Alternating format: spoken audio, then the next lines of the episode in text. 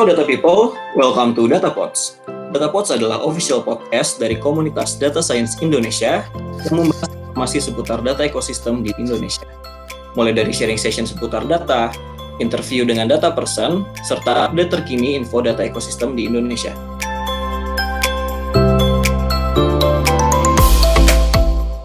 Perkenalkan, nama saya Huday, yang pada episode kali ini akan menemani teman-teman semua untuk ngobrol-ngobrol bareng Pak Budiman.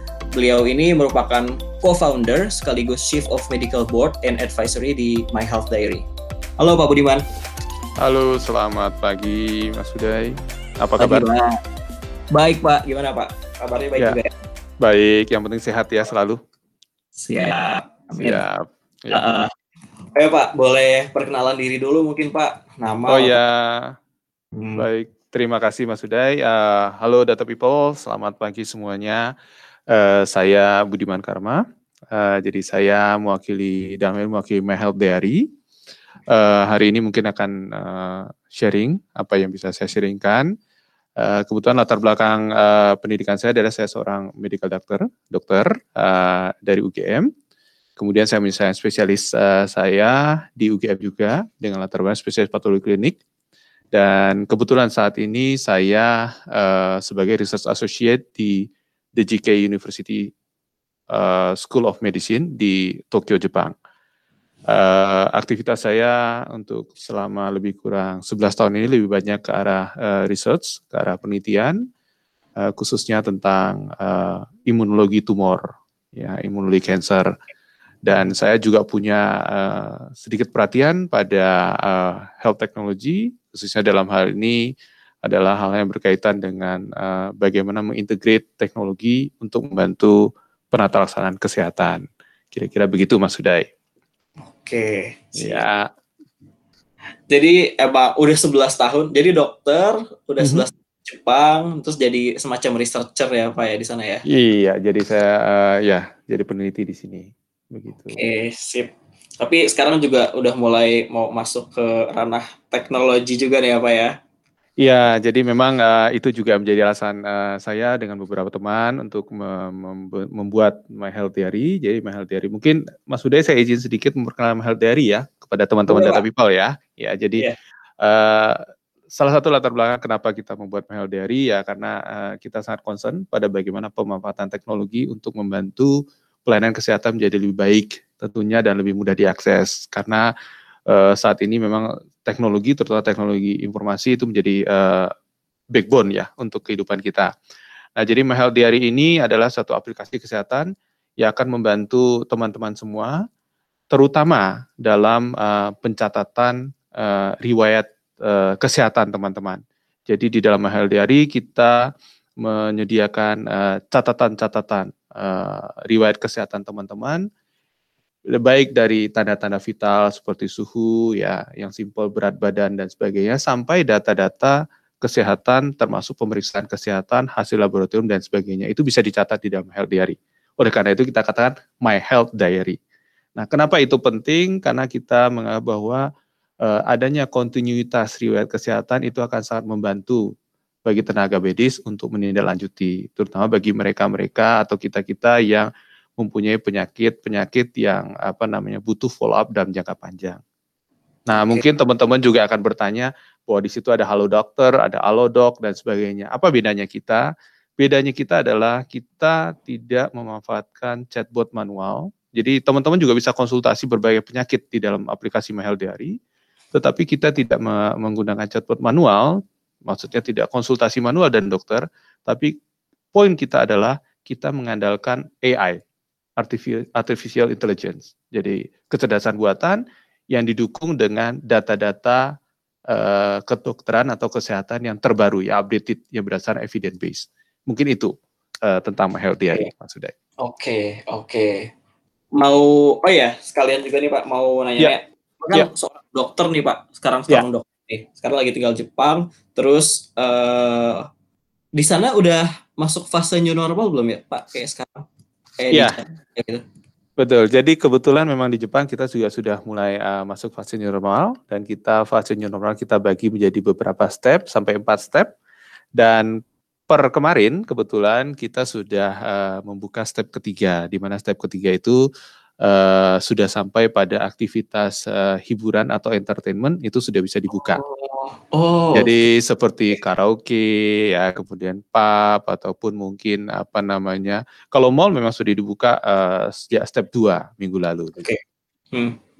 Oke oke. Wah, kalau di Jakarta justru baru baru masuk nih. Baru masuk. mulai ya, baru masuk ya. Iya, iya. Ya, nah, baik, baik. Pak, mungkin ya Pak yang udah ngalamin hmm. ngalamin normal juga di sana nih, udah lebih ya. dulu kan. Iya, iya. Nah, apa aja sih Pak maksudnya yang pertama nih yang harus diperhatiin untuk jaga kesehatan gitu?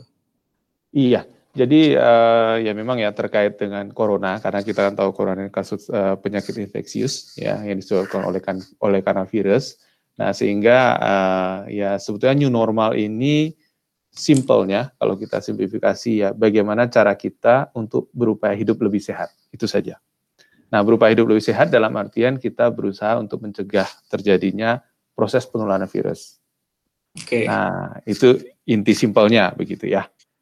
Oke, okay, nah, sekarang pen, mungkin yang yang Mas Sudah akan tanya atau teman-teman data people juga perlu tahu mungkin bagaimana cara-caranya kan begitu ya. Nah, cara-caranya ini sebetulnya kalau kita bicarakan mengenai hal itu, eh, kita harus berbicara dalam arti dua arah. Ya, dalam artian satu, kita harus aware pada eh, kesehatan kita sendiri, bagaimana cara kita menjaga kesehatan kita sendiri, misalnya dengan memakai masker, dengan cuci tangan, ya, cuci tangan tentu cuci tangan yang benar, begitu ya. Kemudian dengan menghindari bepergian yang memang tidak diperlukan, ya, menghindari hmm. nongkrong-nongkrong yang terlalu lama, menjaga jarak tetapi yang tidak kalah penting yang kadang-kadang suka dilupakan adalah bagaimana kita juga aware terhadap orang lain. Kita juga bagaimana menjaga sisi kesehatan orang lain. Ya, misalnya okay. yang sederhana, pemakaian masker tidak hanya untuk kita sendiri, tetapi juga untuk orang lain sebetulnya. Betul. Kita mencegah penularan. Nah, kira-kira seperti itu ya. Oke, benar tuh Pak. Poin penting tuh aware terhadap orang lain juga ya. Iya, iya. Sehingga Wah. dengan dua arah itu maka uh, penularan akan terminimalisir kan begitu. Nah, tapi nih Pak, misalkan lagi normal sekarang kan ya. perlu menghindari apa ya kontak fisik kan ya, dibatasi. Betul. Betul. Kayak sekarang rumah sakit juga malah jadi tempat yang serem gitu ya, harus dihindari. Iya, iya. Soalnya ada takutnya untuk menghindari penyebaran virus juga gitu kan. Betul, nah, betul. Uh, gimana sih Pak caranya layanan kesehatan sekarang nih beradaptasi gitu dengan kondisi new normal ini? Misalnya saya kan lagi demam ya. gitu, tapi jadinya takut kalau mau periksa ke rumah sakit gitu kan karena ya.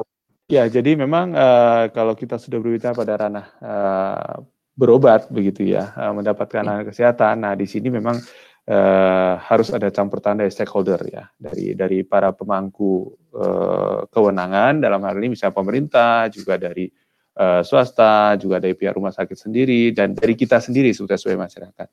Hmm. Nah, terkait cara-caranya sudah banyak cara yang bisa kita pakai. Ya, salah satunya mungkin yang sekarang sedang uh, hot begitu atau sedang uh, uh, sangat jadi topik yang in dan juga itu sudah di, disuarakan oleh Presiden Jokowi sendiri yaitu tentang menggunakan layanan telemedicine. Nah, telemedicine ini juga salah satu upaya memanfaat, uh, memanfaatkan teknologi yang ada ya untuk mendapatkan layanan kesehatan tanpa kita harus hadir secara fisik uh, uh, di rumah sakit okay. atau bertemu dokter kira-kira begitu. Istilah telemedicine ini sebenarnya hmm. saya baru dengar sih Pak sebenarnya istilah telemedicine. Oke, okay. oke. Okay bisa dijelasin mungkin Pak lebih detailnya tuh kayak gimana gitu proses iya. kayak gimana sih kalau bedanya sama kan kalau berobat biasa kan kita ke rumah sakit terus ya udah kita ya. ikut cek kalau telemedicine tuh kayak gimana sih Pak? Iya, nah mungkin sebelum uh, berbicara telemedicine saya akan berbagi sedikit ya. Sebetulnya kadang-kadang begini, uh, kita sering mendengar ada telemedicine, kemudian kita mendengar juga ada telehealth begitu ya. Ada lagi oh. e-health, ada lagi m-health, ya banyak istilahnya ya sebetulnya. Ya, nah itu kira-kira apa sama atau tidak kan begitu?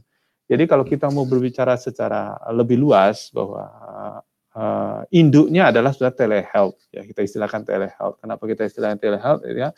Dia memanfaatkan uh, teknologi ya yang tidak akan terkendala oleh jarak dalam hmm. suatu proses uh, memfasilitasi proses uh, yang berhubungan dengan kesehatan dengan health itu sendiri ya. Okay. Nah, sehingga kalau kita berbicara telehealth itu tidak hanya berbatas pada bagaimana cara berobat secara daring, bagaimana cara uh, mendapatkan ronsen secara daring, itu hanya bagian kecil dari telehealth sebetulnya. Dan hmm. telehealth ini sebetulnya sudah banyak kita terapkan yang secara hmm. tanpa kita sadari sebetulnya kita sudah sudah menjalani itu. Ya contohnya misalnya teman-teman bisa memesan obat melalui aplikasi misalnya ke apotek ya. Itu kan yeah. bisa jalan seperti itu. Ya masing-masing apotek punya aplikasinya sendiri. Ya ada juga yang bergabung dalam aplikasi kesehatan secara khusus seperti Halodoc atau Dokter misalnya. Nah, itu Betul. sudah salah satu penerapan telehealth sebetulnya. Oke. Okay. Nah, itu telehealth. Nah, di dalam telehealth-nya itu sendiri itu ada telemedicine. Oke. Okay. Nah, itu yang telemedicine. Nah, telemedicine sendiri ya itu lebih khusus ya berhubungan dengan praktek uh, pengobatan. Jadi seperti itu berhubungan oh. praktek pengobatan. Ya. Nah, praktek pengobatan ini tidak terbatas pada uh, apa namanya? konsultasi saja. Konsultasi itu hanya bagian kecil dari telemedicine. Hmm, hmm, hmm, nah, sebetulnya telemedicine ini pun di Indonesia kalau teman-teman uh, berusaha perhatikan itu juga sudah diterapkan sebetulnya. Jadi contohnya misalnya teman-teman ke rumah sakit pada saat dibutuhkan ronsen misalnya, dokternya mengorder ronsen melalui komputer, kemudian teman-teman tinggal datang ke stasiun ronsen, setelah itu teman-teman balik konsultasi dengan dokternya, hasil ronsennya tidak dalam bentuk film lagi seperti dulu, hmm. tetapi hmm. sudah dalam bentuk foto yang bisa ditampilkan di aplikasi komputer uh, dokter yang memeriksa. Nah, itu sudah penerapan oh. telemedicine sebetulnya. Oh, oke okay, oke. Okay, Begitu. Ya, kira-kira okay. seperti itu gambarannya. Paham, paham, paham, paham. Ya. Nah, uh, berarti sebenarnya namanya kalau di Indonesia sendiri sebenarnya berarti udah ya. juga ya Pak ya, udah nerapin. Sudah, sudah diterapkan sebetulnya dan itu mungkin sudah dari tahun 2010-an sudah mulai menerapkan ya untuk hal-hal seperti itu. Oke. Iya. Kalau Berarti kalau telemedicine sendiri kalau diterapin di maksudnya di masa new normal ini mm-hmm. uh, sebenarnya bisa jadi sebenarnya saya sendiri misalkan kalau mau berobat gitu bisa full full nggak harus ke rumah sakit gitu ya pak? Iya. Nah jadi kalau kita berbicara telemedicine bahwa ternyata telemedicine itu uh, ada banyak level ya, ada okay. banyak level yang kita bisa uh, lihat uh, bahwa sudah penerapan telemedicine di Indonesia saat ini yang mungkin maksimalnya sampai level 3 ya. Jadi ada beberapa level, ada beberapa level. Misalnya level 1 ya kita hanya menggunakan video conference kayak Zoom begitu. Itu level 1. Oh, okay. Itu ya. sama dokternya gitu ya, pasien dan dengan, Ya, itu dengan dokternya begitu. Nah, kemudian kalau misalnya kita berbicara level yang lebih tinggi, misalnya level 3, nah itu mungkin kita bisa berkirim hasil ronsen dan sebagainya, hasil laboratorium melalui sistem uh, informasi. Jadi dari komputer oh, ke komputer okay. tanpa harus uh, secara direct kan begitu. Itu okay. level 3. Nah, okay. jadi sebetulnya kita sudah menerapkan level 3. Tetapi karena oh, ada adanya corona ini kita hmm. mengharapkan adanya pemeriksaan dokter secara daring. Itu sudah malah kembali ke level 1 begitu. Oh. Iya, malah kembali ke level 1. Nah, sudah level yang hmm. over yang yang full, yang maksudnya yang uh, level yang komprehensif itu ada di level 7 level 7 itu seperti apa? Level 7 itu bahwa uh, kita bisa menerapkan semua uh, layanan, semua modality, semua model model uh, pelayanan kesehatan, mulai hmm. dari konsultasi secara daring tanpa harus datang ke tempat dokternya. Hmm. Kemudian kita bisa diorder untuk pemeriksaan dengan misalnya saya butuh pemeriksaan laboratorium, orang laboratoriumnya datang ke rumah, mengambil sampel, hmm. kemudian hasilnya akan dikirim ke kita dan ke dokternya secara daring. Hmm. Setelah itu, data-data itu bisa disimpan secara daring, secara cloud-based system, yang bisa diakses oleh uh, apa namanya uh, ekosistem yang lain. Dalam artian misalnya, oh berikutnya saya harus dirujuk ke rumah sakit yang lebih lanjut, rumah sakit umum misalnya. Nah, rumah sakit umum bisa mengakses data-data itu tanpa kita harus membawa data itu ke sana. Nah, itu okay. yang memang kita katakan telemedicine secara komprehensif. Yeah. Uh, Oke, okay. berarti memang jadinya terintegrasi gitu ya Pak ya dari Betul. Jadi uh, sasaran kita sebetulnya kalau kita berbicara telemedicine secara komprehensif itulah seluruh sistem yang terintegrasi. Nah, ini yang kemudian menjadi tantangan besar buat kita. Kalau kita bisa memang menerapkan sistem uh, telemedicine secara terintegrasi, maka kita bisa membayangkan kita akan meminimalkan kontak-kontak uh, yang tidak perlu. Tetapi memang perlu diingat bahwa dunia kedokteran juga bukan dunia uh, layanan yang sifatnya rigid, di mana kita bisa menghitung secara matematis. Nah, ini tentunya nanti yang perlu disesuaikan kembali, begitu kira-kira Mas Oke, berarti memang kalau di Indonesia sendiri sebenarnya sekarang masih di level 3 ya Pak ya? Ya, maksimal kita berjalan di level 3 dan bahkan mungkin uh, di sebagian besar negara di dunia juga memang masih ada hambatan-hambatan untuk mencapai layanan yang komprehensif begitu ya. Tapi menurut Pak Budiman sendiri sebenarnya Indonesia udah siap nggak sih untuk ke next level gitu? Mungkin dari siap dokternya, terus ya. infrastruktur ya. pemerintah dan lain-lainnya. Ya, jadi memang untuk bisa menunjang apa telemedicine ini menjadi uh, uh, layanan yang komprehensif, memang ada beberapa hal sih ya yang perlu kita kita perhatikan. Uh, modal dasarnya lah begitu ya. Ya paling paling pertama saya rasa adalah uh, kebijakannya dulu, kebijakan dari stakeholder dalam hal ini pemerintah atau mungkin okay. Kementerian Kesehatan. Bagaimana kebijakan atau policy dan juga dalam bentuk peraturan-peraturan yang bisa me, menunjang ya proses pelaksanaan ini. Hmm. Itu paling penting. Karena kenapa? Hmm. Karena kalau kita berbicara pelayanan kesehatan, kita berbicara pada kerahasiaan uh, data-data pasien. Betul, betul. Nah, sehingga ini sangat krusial. Ya. Terus kemudian kalau kita berbicara secara uh, apa realnya untuk di lapangan apa yang kita butuhkan yang jelas infrastruktur Ya, infrastruktur hmm. ini mulai dari uh, ketersediaan apa peralatan-peralatan yang menunjang untuk sistem informasi, okay. ketersediaan uh, jaringan uh, untuk uh, apa misalnya jaringan seluler misalnya atau mau pakai hmm. serat optik atau apa begitu ya jaringan menunjang. Terus kemudian uh, bagaimana uh, knowledge dari masyarakat bisa catch up atau tidak. Nah, itu juga menjadi hmm. salah satu hal yang berperan penting dalam hmm. infrastruktur ya. Terus hmm. kemudian setelah ada infrastruktur, nah bagi ini kan kita pinginnya terjadinya suatu integrasi secara menyeluruh. Nah, Betul. untuk suatu integrasi secara menyeluruh berarti kan harus ada standar-standar yang bisa dipenuhi. Hmm. Nah, apalagi kita bermain dengan dengan apa kategorisasi yang cukup rigid ya dalam artian kalau kita memakai sisi informasi ya iya iya tidak tidak bagaimana dan daerah abu-abu akan kita bawa ke mana misalnya karena hmm. selama ini dokter mendiagnosis juga ada beberapa daerah abu-abu. Sebagai contoh misalnya, oh nggak apa-apa bu, cuma panas dalam. Nah, hmm. Apakah panas dalam ini benar-benar ada dalam diagnosis dokteran atau tidak? Nah, ini juga perlu hmm. kita. Ya, ini juga jadi masalah. Nah, kemudian masuk angin oh, gitu. Masuk angin misalnya seperti betul, betul. Nah, betul.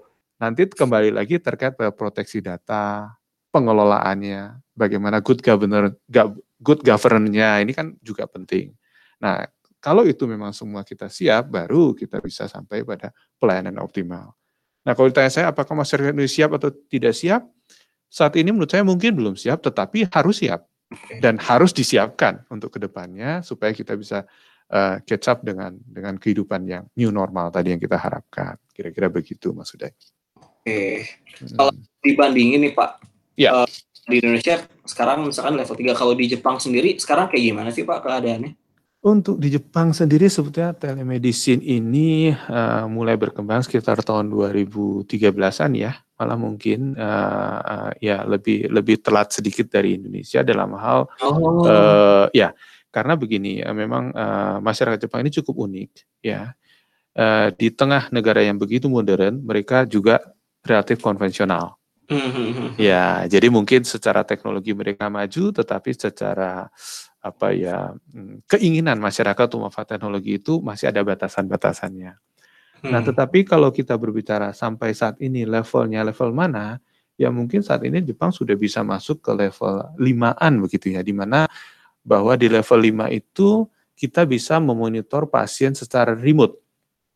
Oke. Okay. Ya, terutama bagi pasien-pasien yang memang membutuhkan uh, pemantauan dalam jangka waktu lama. Okay. Nah, kenapa Jepang bisa seperti itu? Ya mungkin dari satu sisi memang dari uh, masalah teknologi, kemudian juga masalah apa namanya uh, uh, melek teknologi masyarakatnya, jadi hmm. kesiapan masyarakatnya. Kemudian di sisi lain juga karena memang tuntutan. Karena seperti hmm. kita tahu saat ini bahwa graf demografi atau susunan penduduk Jepang ini isinya adalah orang-orang tua. Dan orang-orang tua ini memang sangat boros dalam artian pelayanan kesehatan. Karena kan hmm. memang sudah punya penyakit menahun yang memang harus dipantau secara jangka panjang. Yeah. Dan satu sisi mereka juga kekurangan dokter yang kemudian bisa mengakses seluruh masyarakat Sehingga mau tidak mau sistem seperti ini harus dikembangkan.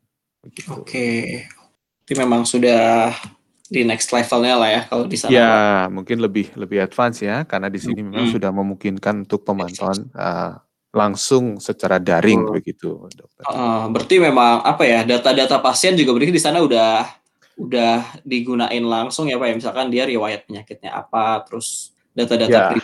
sendiri itu. Ya, jadi data-data riwayat kesehatan ini secara umum memang sudah mereka sudah uh, memanfaatkan secara cloud sistem begitu ya, uh, paling tidak minimal dan server mereka sendiri. Dan uh, yang paling penting adalah bahwa memang mereka sangat concern pada keamanan data kan begitu. Okay. Cuma memang kendala mereka saat ini adalah uh, kendala kita di Jepang saat ini belum bisa sampai level 7 karena kenapa masih sistemnya parsial. Jadi memang belum bisa uh, diakses inter ekosistem, belum bisa diakses okay. di antara ekosistem. Nah, -hmm. itu yang masih masih menjadi tantangan juga di sini begitu. Oke, paham. Berarti dari apa namanya rumah sakit satu ke rumah sakit lain. Betul, betul. Jadi belum berhasil. Ya, ya, dari rumah sakit A ke rumah sakit B itu belum berhasil begitu. Nah, mungkin sedikit saya selipkan bahwa uh, menjadi tujuan apa menjadi cita-cita dari Mehel Diary ya, kita ingin sebetulnya membuat uh, sistem seperti itu. Jadi ke depannya kita ingin membuat suatu integrasi yang bisa membantu masyarakat Indonesia secara keseluruhan, khususnya juga pemerintah dalam hal ini untuk untuk melihat data-data surveillance penyakit dengan membuat uh, apa namanya suatu sistem yang memang bisa diterapkan uh, integrated dan inter ekosistem di antara sem semua ekosistem bisa terkonek menjadi satu begitu. Oh, wah keren banget tuh Pak kalau beneran terjadi. Ya mudah-mudahan kita kita doakan nah, ya. uh, bisa terrealisasi begitu ya. Oke, okay. tapi tetap ya Pak ya pastinya privacy dari data pasien pastinya tetap terjaga betul, betul. ya Pak ya. Betul, itu merupakan suatu kewajiban dan itu sekaligus menjadi tantangan buat kita. Oke, selanjutnya nih Pak. Hmm, ya. Uh, tadi kita udah ngomongin telemedicine dan hmm. ada kan langsung juga gitu konvensional gitu. Kira-kira ya. kalau dari Pak Budiman sendiri uh, mau nanya juga nih penyakit apa aja sih sebenarnya yang bisa ditanganin sama layanan medis telemedicine ini sama apa sih yang nggak bisa gitu loh? Iya. Jadi ya memang uh, salah satu weaknessnya atau mungkin kelemahan atau tantangannya ada di telemedicine adalah memang tidak semua jenis penyakit memang bisa kita tangani dengan telemedicine ya. Uh, jadi mungkin saya akan mulai dari penyakit-penyakit yang mungkin uh, kita lakukan melalui telemedicine yaitu adalah penyakit-penyakit yang memang satu well recognized dalam artian uh, memang sudah uh, cukup umum, cukup dikenali dengan uh, apa namanya uh, syarat apa tanda-tanda ya tanda-tanda atau gejala-gejala yang cukup jelas okay. yang tidak yang memang tidak bergantung pada pemeriksaan secara fisik yang merupakan pemeriksaan hmm. kontak fisik itu. Hmm. Nah itu satu seperti itu. Contohnya apa? Ya misalnya contohnya penyakit-penyakit infeksi yang umum, ya karena penyakit infeksi biasanya mereka punya gejala-gejala yang sudah uh, apa ya uh, terkarakteristik pada penyakit itu sendiri. Nah, hmm. Kemudian yang mungkin yang yang sangat besar dampaknya, efeknya adalah pada pemantauan penyakit tahunan, penyakit kronis, penyakit menahun.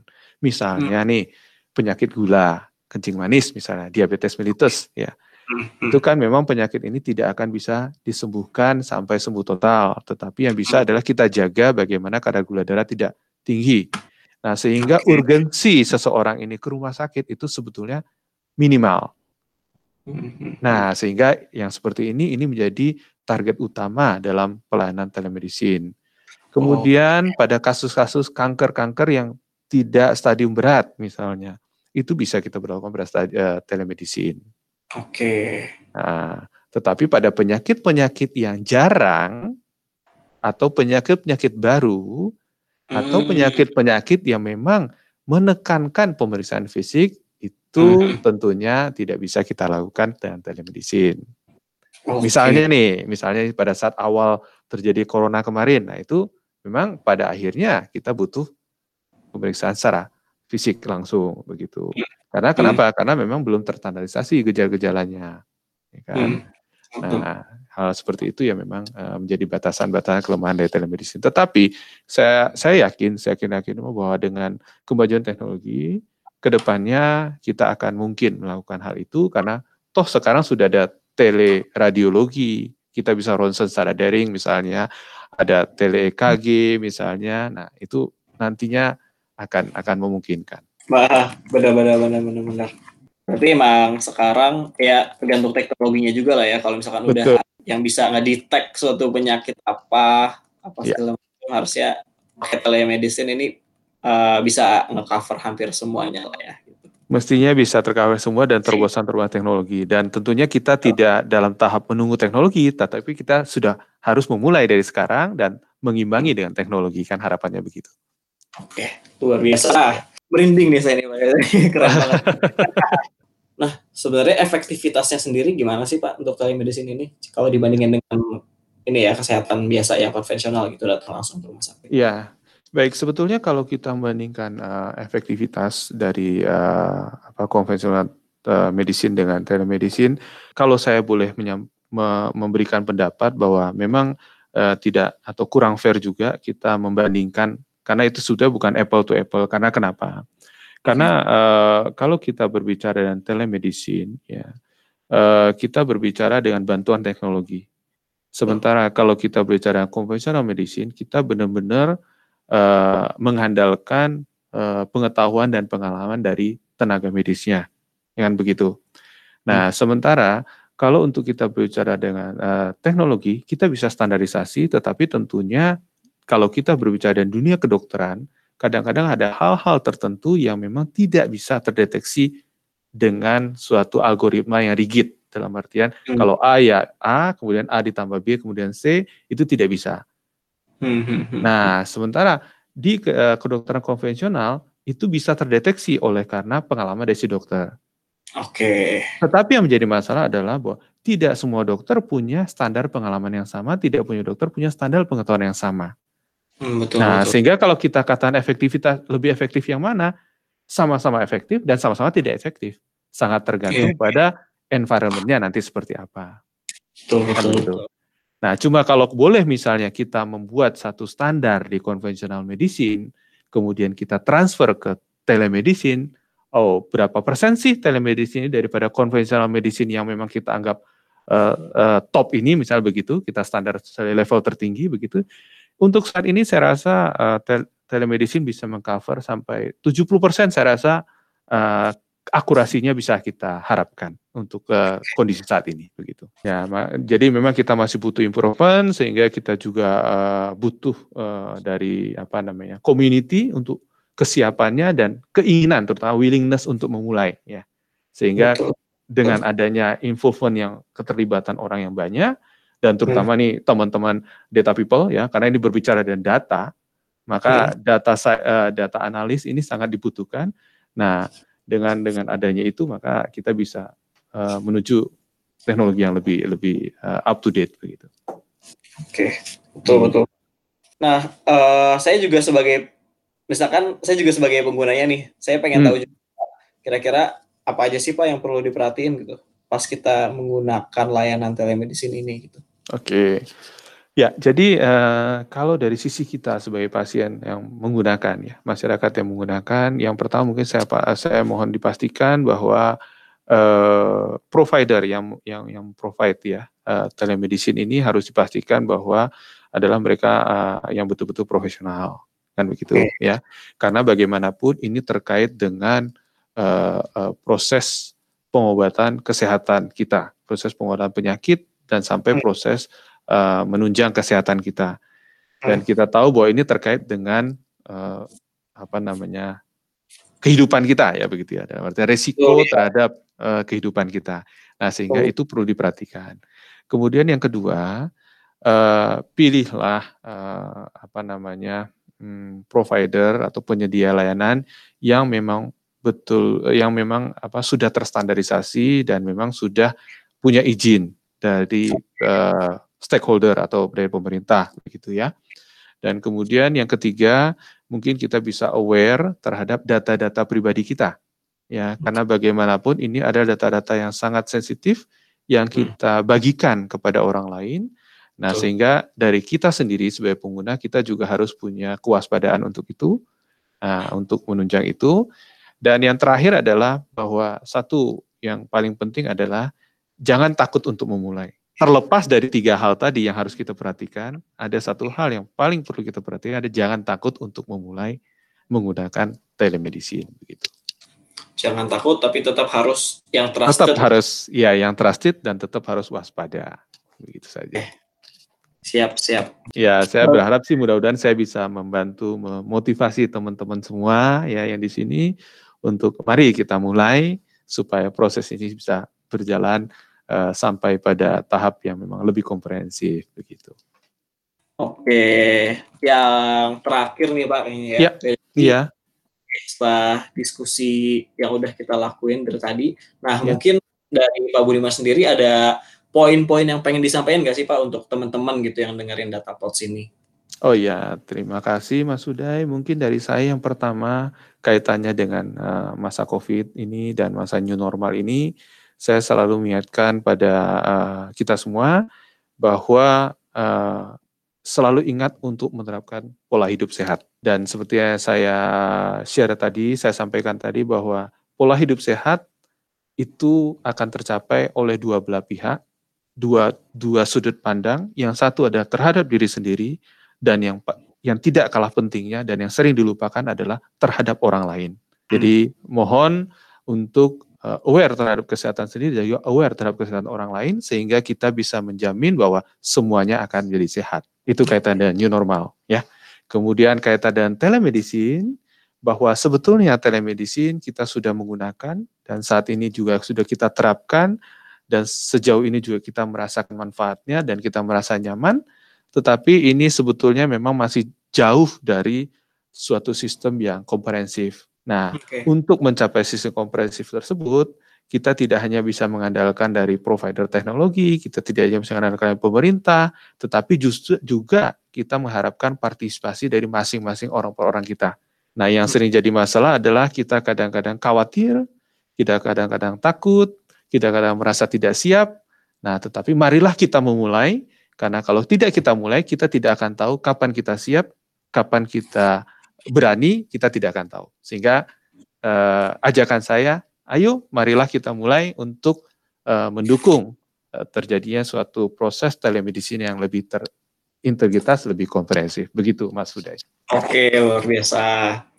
Terima kasih Pak Budiman atas Sama-sama, terima kasih Mas Huday. Terima kasih atas kesempatan hmm, yang diberikan yeah. saya sehingga saya dan My Health Diary bisa mengajak kita semua untuk semakin aware ke depannya. Amin. Sukses terus Pak sama My Health Diary-nya. Terima kasih, sukses terus untuk data science dan sukses terus untuk uh, data people semuanya. Ya, sampai ketemu mungkin mudah-mudahan di kesempatan yang lain. Eh, siap Pak. Semoga diskusi kita tadi lebih mengedukasi masyarakat ya Pak ya terkait kesehatan. Amin. Terima kasih juga buat teman-teman semua yang udah mendengarkan data post kali ini. Uh, buat teman-teman yang mau memberikan saran, feedback atau mungkin saran data person yang bisa kita kita ajak wawancara nih untuk nextnya bisa langsung aja kirim email kita di datapods at datascience.core.id. Oke, saya Huday dan Pak Budiman kita pamit ya Pak ya. Oke, sampai jumpa.